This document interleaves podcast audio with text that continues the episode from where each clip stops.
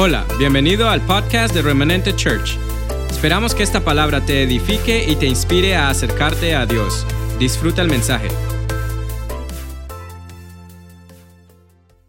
De la ley de la restitución. La ley de la restitución. Hay cosas que tú y yo consideramos perdidas. Hay cosas que inclusive las hemos abandonado. Y hemos caído como en una cultura de fracaso, de derrota, y nos hemos resignado a la pérdida. Entonces nuestro lenguaje se vuelve un lenguaje de pérdida, un lenguaje de derrota, un lenguaje de, que no nos permite retomar ni, ni resarcir aquello que se ha perdido. Pero aún yo quiero decir esto con mucho respeto para las personas que somos adultas, que ya pasamos el umbral del quinto piso.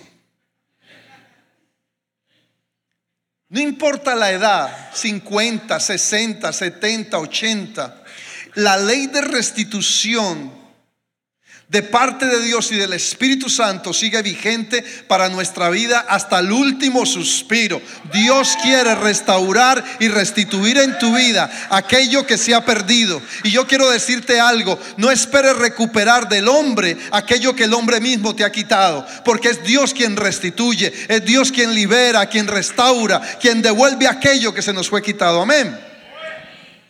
Entonces, a veces estamos esperando recibir del hombre lo que, escucha esto, lo que el hombre te ha quitado no te lo va a devolver el hombre. Te lo va a devolver Dios. Sea ministerio, sea familia, sea lo que sea. Te lo va a devolver Dios. Porque la ley de restitución opera a partir de la legalidad, de la... Déjeme explicarle esto. Quiero que, ya lo he hablado en el pasado, pero como voy a hablar de una ley, tengo que hablar de legalidad y de legitimidad porque la ley de restitución es un derecho legal en tu vida que tú activas ese derecho, pero quien le da legitimidad es Dios. Y usted me dirá, venga, apóstol, pero, pero acláreme eso. ¿Cómo así que algo legal y algo legítimo? Hay cosas que son legales que no son legítimas. Hay cosas que son legales que no son legítimas. Por ejemplo, el aborto es legal en este país, pero no es legítimo. Estamos. El matrimonio del mismo sexo es legal en este país, pero no es legítimo. Porque no está amparado por la ley de Dios. Entonces, toda ley se genera, escúcheme esto, toda ley en el universo, sea una ley natural como la relatividad, como la inercia, como cualquier ley, como las leyes de los hombres. Toda ley está amparada por la legislación, por la legitimidad. Tiene que estar amparada por la legitimidad que Dios le dio. Por ejemplo, una ley natural está amparada por la legitimidad que Dios le dio cuando creó el universo. Estamos. Porque fue Dios quien le dio legitimidad al universo, porque la tierra estaba que desordenada, el universo estaba desordenado y vacío. Y Dios con la palabra, la ley, le dio legitimidad. ¿Me estoy haciendo entender? Entonces, si vamos a hablar de una ley, yo quiero que tú tengas la convicción esta mañana por el poder del Espíritu Santo, que tú tienes un derecho legal amparado por un derecho legítimo.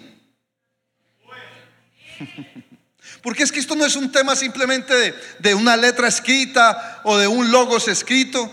De hecho, hay veces que gente pierde la legitimidad de la palabra porque hay gente que cree que cuando dice que, que la letra mata y el espíritu edifica, creen que es descalificar la ley. No, ahí se está refiriendo a la tradición.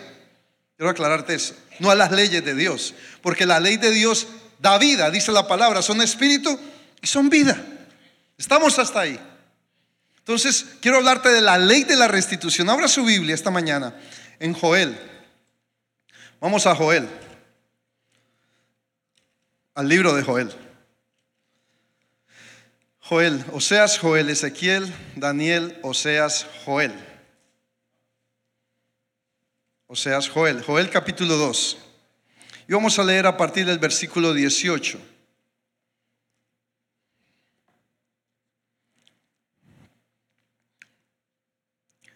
Dice, O seas Joel. capítulo 2, versículo 18. Dice, y el Señor solícito por su tierra perdonará a su pueblo. Responderá el Señor y dirá a su pueblo, he aquí, yo os envío pan, mosto y aceite, y seréis saciados de ellos. Y nunca más os pondré en oprobio entre las naciones. Y haré alejar de vosotros al del norte y echaré la tierra seca y desierta, su faz será hacia el mar oriental y su fin el mar occidental y exhalará su hedor y subirá su pudrición porque hizo grandes cosas. Escúchame esto. Piensa en ti cuando vaya a leer este versículo 21. Tierra no temas, date nombre. Wilmer no temas. Dijauma no temas. Noé no temas. Lorena no temas. No temas. Pronuncia tu nombre y di, no temas. Alégrate y gózate porque el Señor hará qué? Grandes cosas. Y mire que eso no es un decir, es una palabra. Cuando nosotros decimos muchas veces, ay, es que el Señor dice que va a hacer grandes cosas, lo decimos de una manera muy dicharachera, como un dicho, pero no, es una palabra de vida. Cuando dice que el Señor hace grandes cosas. Animales del campo no temáis, porque los pastos del desierto reverdecerán, porque los árboles llevarán su fruto, la higuera y la vid, la vid darán sus frutos. Vosotros también, ¿quiénes? Yo, tú, él, nosotros, vosotros, ellos. Nosotros también, hijos de Sión, alegraos y gozaos en Jehová, vuestro Dios, porque os ha dado la primera lluvia a su tiempo y hará descender sobre vosotros la lluvia temprana y tardía, como qué? Como al principio. O sea, ahí ya empieza a liberar la ley de restitución. Nos dará la ley, la lluvia qué? Temprana y tardía. Ya vamos a explicar eso. Y luego dice, las, el versículo 24, las ceras se llenarán de trigo y los lagares rebosarán de vino y aceite. Y escuche esto, versículo 25. Y os restituiré y os restituiré los años que se comió la oruga, el saltón, el revoltón y la langosta, mi gran ejército que envié contra vosotros. Comeréis hasta cuándo? Hasta que nos toque el buche, como dicen. Hasta que estemos hasta aquí y alabaréis el nombre del Señor vuestro Dios, el cual hizo y hace maravillas con vosotros, y nunca más seremos avergonzados. Necesitamos romper esa cultura de fracaso, esa cultura de pérdida, esa sensación de pérdida que a veces las circunstancias, las situaciones que hemos vivido en el pasado están trayendo día a día sobre nuestras vidas.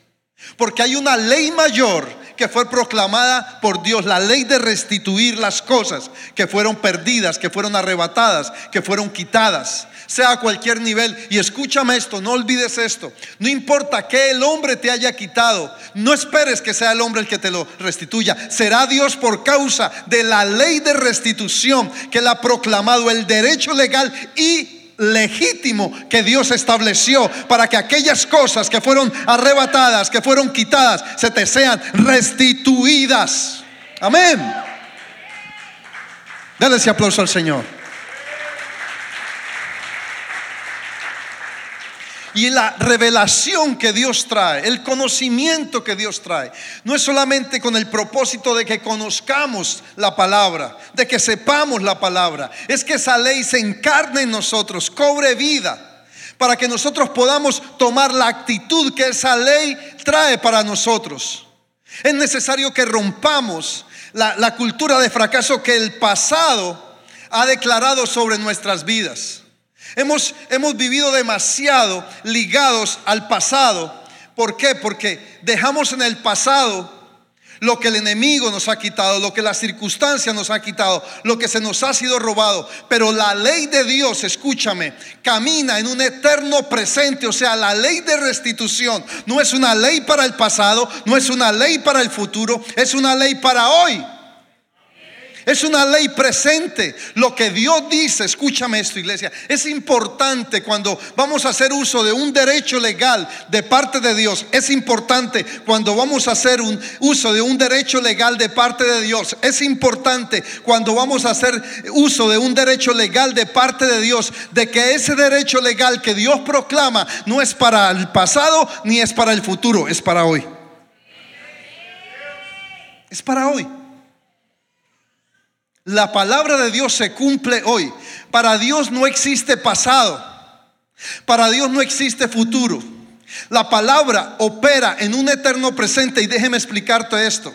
Jeremías capítulo 1, versículo 12 dice que Él apresura su palabra y la coloca, la pone, la ejecuta por obra. O sea, manos a la obra el día que Él la que la proclama, la dice. Cuando tú recibes una palabra profética, esa palabra profética es liberada para hoy, no es liberada para el pasado, no es liberada para el futuro. El cumplimiento comienza hoy. Amén.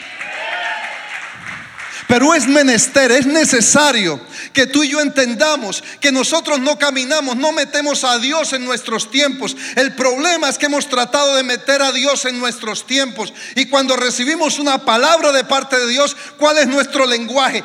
Ya llegará el momento. Ya llegará el tiempo de Dios. ¿Cuándo es el tiempo de Dios? Que alguien me explique. Dijo Derbez, que alguien me explique. ¿Cuándo es el tiempo de Dios? Que alguien me explique esa expresión. No existe tal cosa porque el tiempo de Dios es hoy. es hoy. No, cuando yo esté más viejito, no, cuando tal cosa, no, cuando tal otro, para justificar mi fracaso del pasado, mi frustración. Pero Dios, la palabra que quiere traer a tu vida, la trae para hoy, para que hoy comience el proceso en tu vida de tal manera que la restitución sea liberada, que la ley de la restitución, la legitimidad de esa restitución sea liberada sobre tu vida hoy. Aquí les voy a ir dando unos cuantos enredos y desenredándole otros. Una de las cosas por las que no se cumple, escúcheme esto, porque es que lo que Dios dice es verdad. ¿Cuántos lo creen?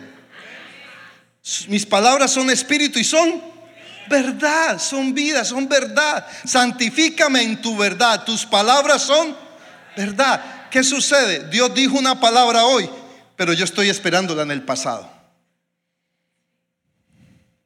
o la estoy esperando en el futuro, que es lo más común. Entonces nosotros, Dios nos llamó a vivir en el presente, pero nosotros nos mantenemos viajando a veces en el pasado o viajando en el futuro. Si hoy fuera ayer, hay una canción que dice así. Si hoy fuera ayer, dice esa canción, si hoy fuera ayer. Una canción por ahí de pero ¿por qué no hemos recibido? Escúchame esto, iglesia. ¿Sabes por qué no hemos visto la gloria de Dios en nuestra vida? Porque lo que Dios dijo hoy es para que yo me ubique en hoy, pero estoy parado en ayer.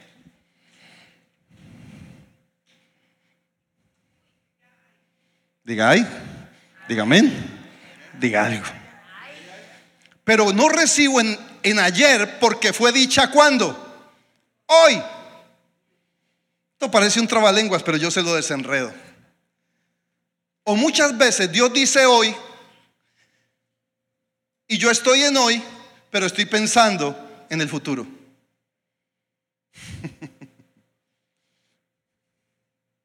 y el Señor te dice, para hoy, sí, cuando yo esté mejor, cuando esté mejor, cuando esté mejor económicamente, cuando eh, me recupere un poquito, cuando yo cambié esto. No, el Señor dijo hoy. ¿Sabes por qué? Escucha esto. Cuando el Señor dijo en Génesis, hágase la luz, no dijo haré. Dijo, ¿para cuándo? ¿Para cuándo? Entonces, el día primero tuvo su hoy. El día dos tuvo su hoy. El día tres tuvo su. Él no dijo el primer día lo que iba a ser el quinto.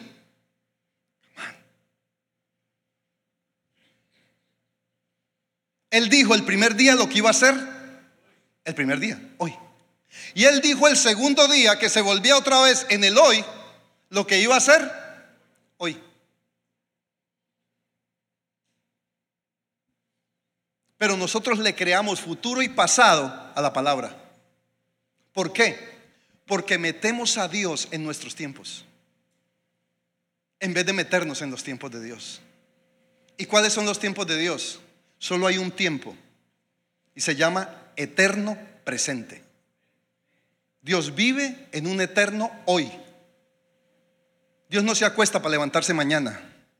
Si Él se acostara, se levanta hoy. ¿Me está entendiendo lo que le quiero decir?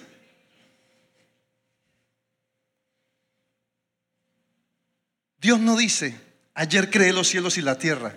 Dios dice, hoy los creé. Porque Él sigue creando para ti y para mí. No te estoy confundiendo. Lo que quiero es que entiendas que antes de entrar en la dimensión de la restitución, necesitamos entender la legalidad y la legitimidad de una ley. Porque es un derecho legal sobre nosotros. Y la vida cristiana se torna difícil porque no entendemos los derechos de la ley de Dios sobre nosotros. Porque queremos caminar la vida espiritual y la dimensión del espíritu más basada en una experiencia que haga cualquier cosa y cambie esto, que en vivir una ley que es un derecho en mi vida. Escúcheme, mire las leyes de los hombres y verá que traen la misma estructura. Usted, cuando una ley aplica a nuestro favor, es un proceso. Y escúcheme esto, el problema no es tiempo. El problema ha sido que creemos que lo de Dios se cumple por causa del tiempo. No es por causa del tiempo, es por causa del proceso.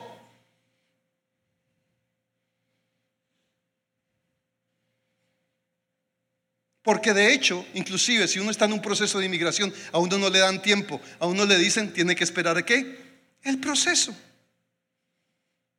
Pero nosotros le hemos puesto tiempo a la ley de Dios. Y no hay tiempo, hay proceso. ¿Me estoy haciendo entender? Entonces, entender esta ley es apropiarnos de un derecho legal, esta ley o cualquier, cualquier ley que Dios proclamó a favor nuestro.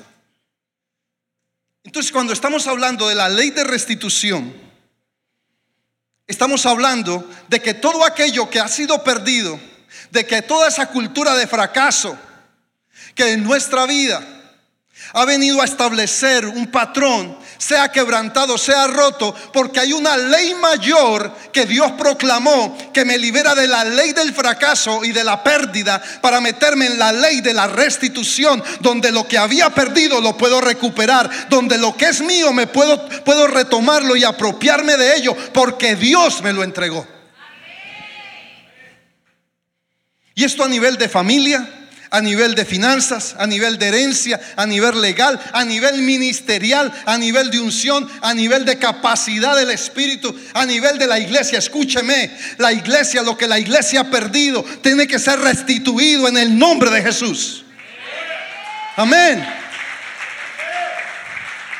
A mí no me preocupa lo que pueda suceder porque Dios hay una ley mayor para que todo aquello que el diablo nos roba, nos quita, yo no voy a ir a pelear con el hombre para que me lo devuelva. Yo voy y hago uso de la ley que Dios declaró para que se nos sea restituido. Amén.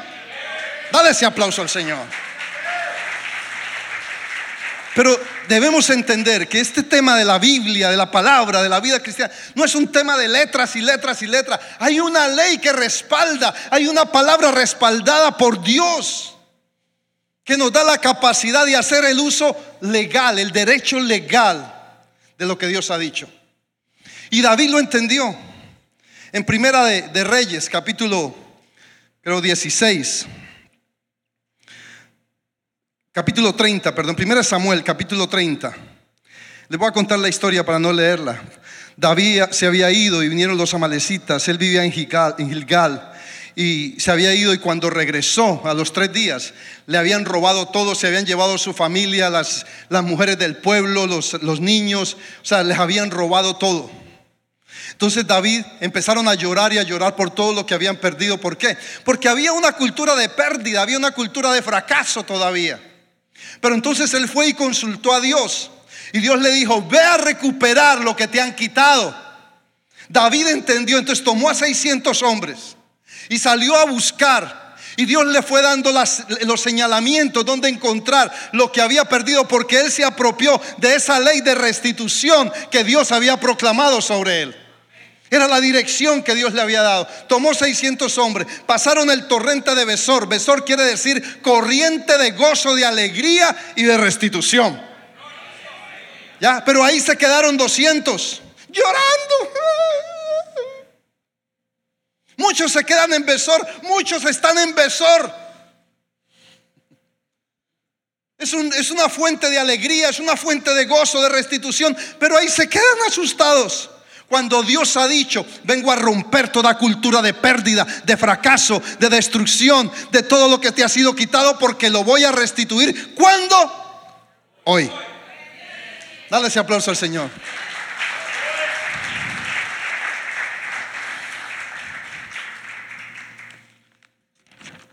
Es importante que entendamos que el río de ese torrente de Dios, que hay un río constante de Dios, sobre el cual podemos, en el cual podemos introducirnos.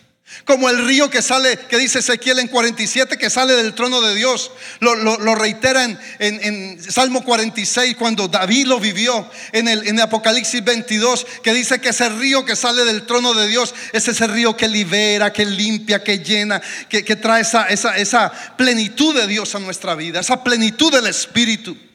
Porque escúchame, yo quiero que tú entiendas hoy que tu vida con el Espíritu tiene que dejar de ser una experiencia para convertirse en una transformación constante. Ahí yo proclamo, cuando yo entendí a los 13 años que yo no podía depender solo de una experiencia con el Espíritu, donde yo profetizaba, donde echaba fuera demonios, sino que mi vida tenía que ser cambiada, tenía que madurar, tenía que ser transformado. Entonces empecé a vivir por la ley que Dios había proclamado a mi favor. Dios te dio un código de vida para que tu vida sea transformada en el nombre de Jesucristo. Amén. Y entonces entendí que esa ley permite. Dice que todo lo que me quita ha recuperado siete veces. Siete veces cae el justo y siete veces se levantará. Dios, Dios no es escaso, Dios es de siete en siete. Perdona setenta veces siete. El número no perfecto, pleno, no es el número perfecto, es el número de plenitud, es el siete, porque es donde Dios colma, cumple todo. Eso es lo que representa siete. Entonces, cuando estamos hablando de restitución, es que Dios te da un derecho legal, pero también legítimo. No, no olvides ese punto. Porque por eso dice que la ley de Dios dice que, que todo lo bueno, todo lo justo, todo lo honesto, todo lo puro, todo lo de buen nombre, si alguna virtud, parecen cosas parecidas, pero tienen que estar respaldados por, por lo que es legal y por lo que es legítimo. Asegúrate porque lo legal puede ser bueno o puede ser malo. Pero lo de, escucha esto. Lo legal puede ser bueno o puede ser malo. Pero lo legítimo es íntegro.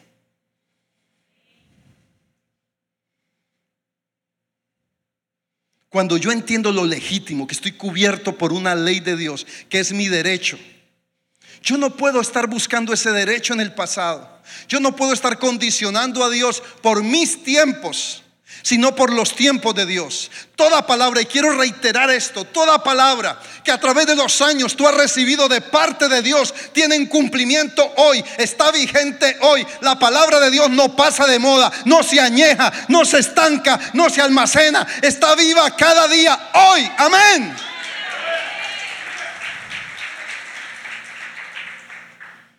Pero nosotros vivimos no, el Señor me dio una palabra hace 25 años y aquí estoy esperando que se cumpla.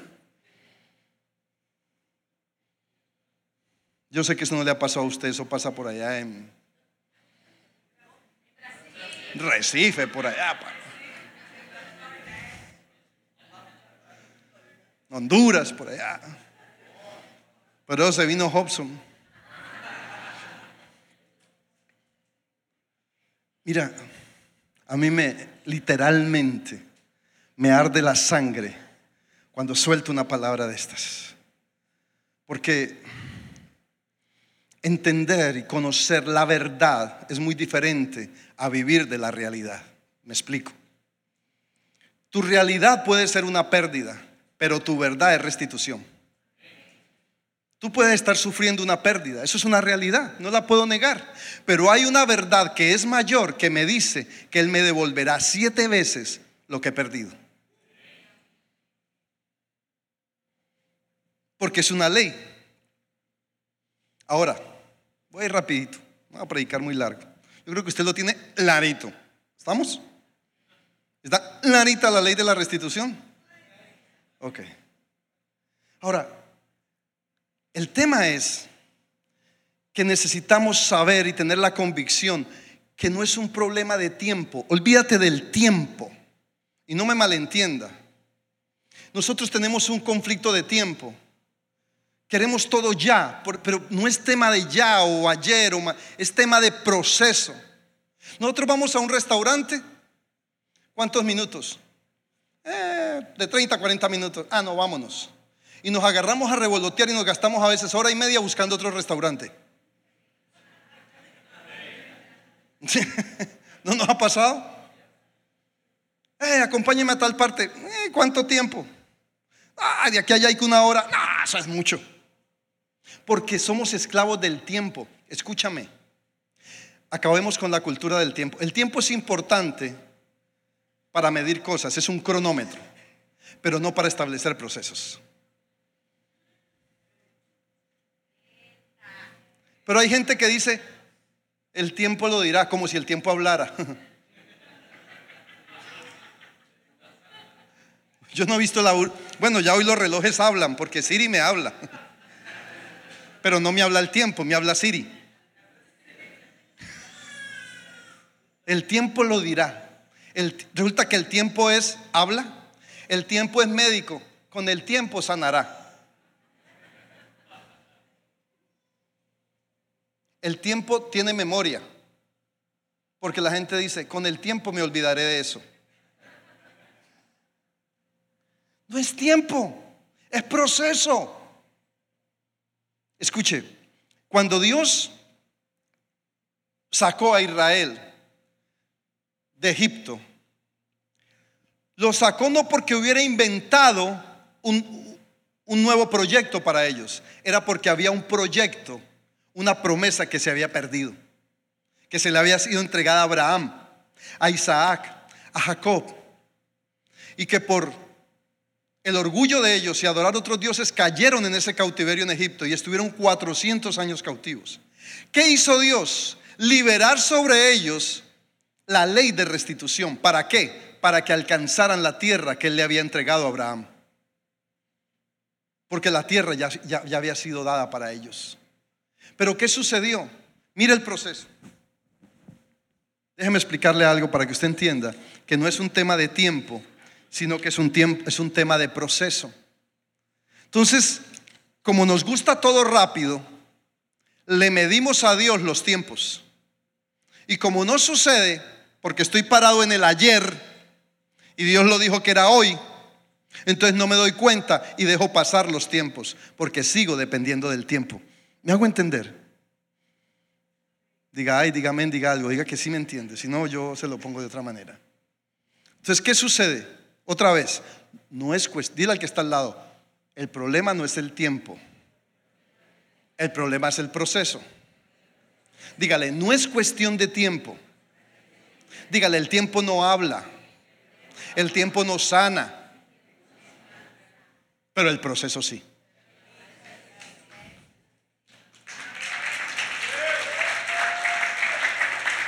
Entonces, Éxodo capítulo 6, versículo 6 al 8 al 9. Dice que, que Él los sacaría, le estaba dando Dios al pueblo de Israel que estaba en Egipto. Y ese proceso, que para mí ha sido de las palabras, grandes palabras y revelación que Dios me ha entregado a mi vida personal, y no porque sea exclusivo, no, no. De lo que un proceso es más allá del tiempo, dice que Él los sacó Cinco cosas le dijo Dios ahí. Yo los sacaré, yo los liberaré, yo los redimiré o los restauraré, yo los tomaré para mí y luego los meteré. Pero ¿qué significa? Vamos a leerlo, vamos a leerlo. Éxodo capítulo 6, para que usted se ubique más en lo que quiero. Éxodo 6, 6. Por tanto dirás a los hijos de Israel, yo soy Jehová y yo os sacaré de debajo de las tareas pesadas de Egipto y os liberaré de su servidumbre. Los sacaré de las tareas pesadas, los liberaré de su esclavitud o servidumbre, os redimiré con brazo extendido y con juicios grandes, y os tomaré, versículo 7, por mi pueblo y seré vuestro Dios, y vosotros sabréis que yo soy Jehová vuestro Dios, que os sacó debajo de las tareas pesadas de Egipto. Versículo 8, y os meteré. Cinco cosas en estos dos versículos. Todo proceso de Dios para que sea liberada la ley de la restitución en tu vida. Te tiene que sacar de tu pasado. Te tiene que liberar de tu pasado para ubicarte en el hoy. Te tiene que restaurar de lo que fue dañado en el pasado para que lo disfrutemos hoy y te tiene que tomar para Él hoy, para meterte no en el futuro, sino hoy en una nueva dimensión. Dale ese aplauso al Señor.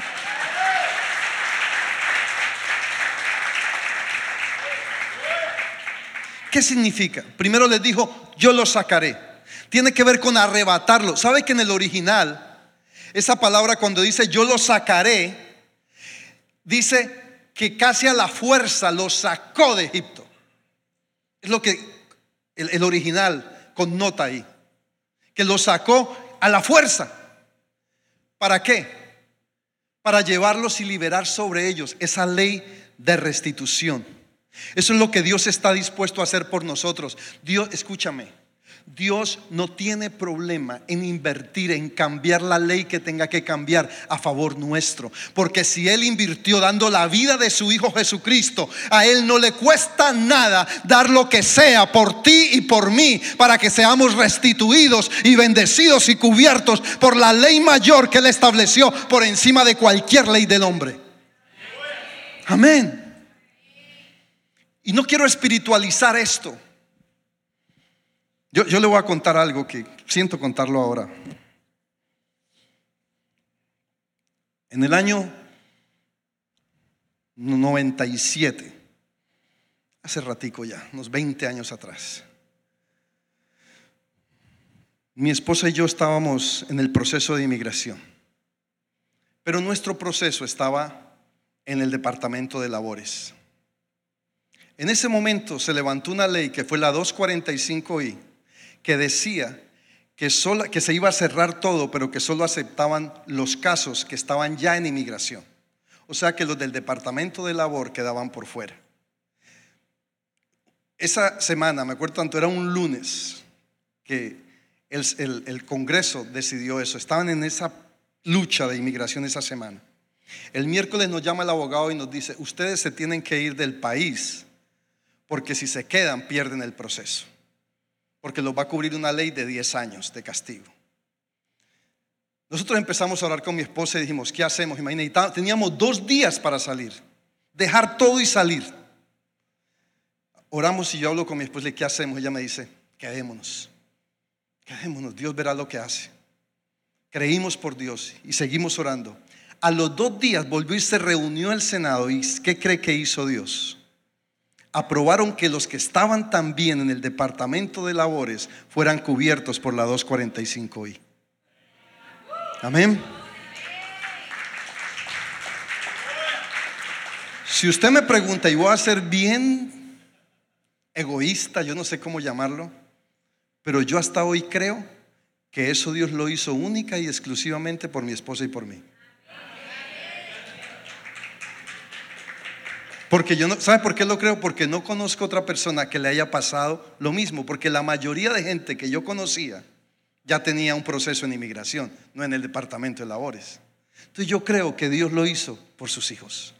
Escúchame, La ley de la restitución tiene la capacidad de que si Dios dio su propio hijo por ti y por mí, ¿habrá algo más caro que eso que Dios pueda hacer por ti y por mí?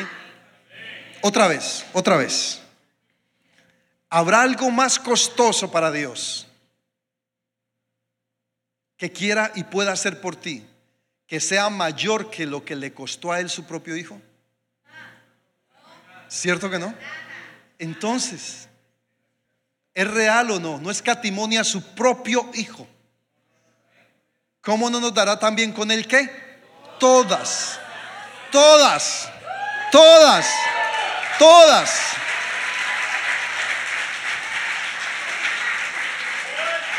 Por eso le digo, yo he aprendido algo.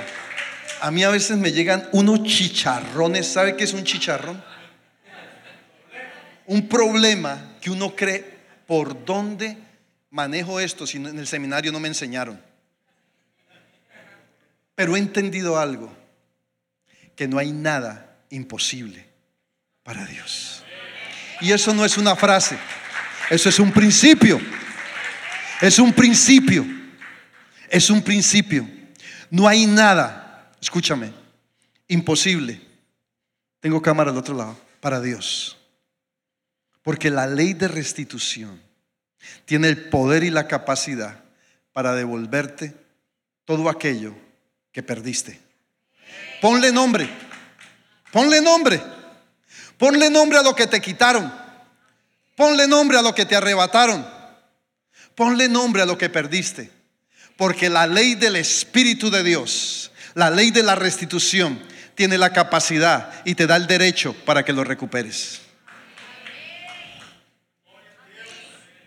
Mire, si algo yo trato de hacer es que si yo le traigo una prédica, se la sustento. Se la sustento con palabra. Y yo esta palabra hoy me la dio Dios para sustentártela con principios, con palabra, no con suposiciones ni con experiencias. Yo no te estoy viniendo a, a, contar una experiencia, yo te estoy viniendo a entregar un derecho que Dios te dio, legítimo. No solamente legal, es legítimo. Tiene legitimidad. Porque habrá cosas que son legales que pueden ser buenas o malas, pero lo legítimo es seguro, es íntegro, es correcto. Y eso es lo que nos asegura esto que se llama vida cristiana. Yo por eso no juego a la vida cristiana, yo vivo la vida cristiana. Y lo digo con sencillez. No en que sea mejor que tú. Yo tengo una humanidad más grande que la suya. Pero vea, esta bendita palabra tiene vida. Cambia, transforma, hace por ti por mí. Y cumple. Salgamos del ayer. Porque es hoy. Es hoy. No te preocupes por el futuro, porque la ley de la restitución no restituye el futuro.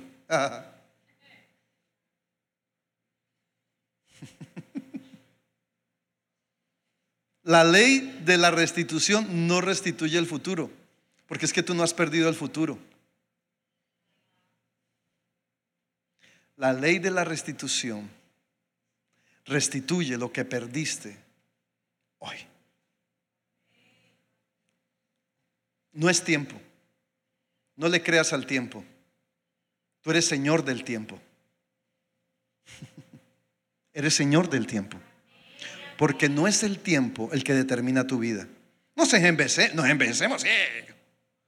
Pero tenemos la plenitud de vida en Cristo que nos hace usar el derecho legal de lo que Él dice y de lo que Él hizo para ti y para mí. Él te va a sacar, Él te va a liberar él te va a restaurar, Él te va a meter, Él te va a tomar y Él te va a meter. Éxodo 6. Y te serás devuelto siete veces. Ni siquiera es una o dos, siete veces. Porque así es la matemática de Dios. No es escasa, es superabundante. Dice que la superabundante grandeza de su poder, eso es una redundancia, eso es una exageración. Parece algo que está demasiado inflado. La superabundante grandeza de su poder. Eso parece que uno estuviera diciendo lo mismo. Y la matemática de Dios, uno hace huir a mil y dos, lo lógico serían dos mil, pero no es a diez mil. Entonces tres deben hacer huir a treinta mil. Esa es la matemática de Dios. La ley de la restitución está disponible para ti hoy. Tú hoy entras en la ley de la restitución. Hoy sale de la cultura de lo perdido. Hoy sale de la cultura del fracaso. Hoy sale de la cultura de lo que no hay esperanza para entrar en la cultura de la restitución. Tú y yo debemos vivir en la cultura de la restitución. Si el diablo me quita algo, me lo devuelve porque me lo devuelve. Amén. Amén.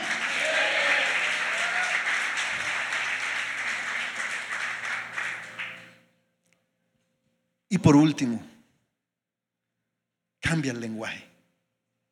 Cambia el lenguaje de fracaso, de pérdida, de, de derrota. Y habla lo que Dios ha dicho acerca de ti. Ponte de pies. Esperamos que este mensaje haya sido de bendición. No te olvides de suscribirte a nuestro podcast y seguirnos en Facebook e Instagram arroba remanente.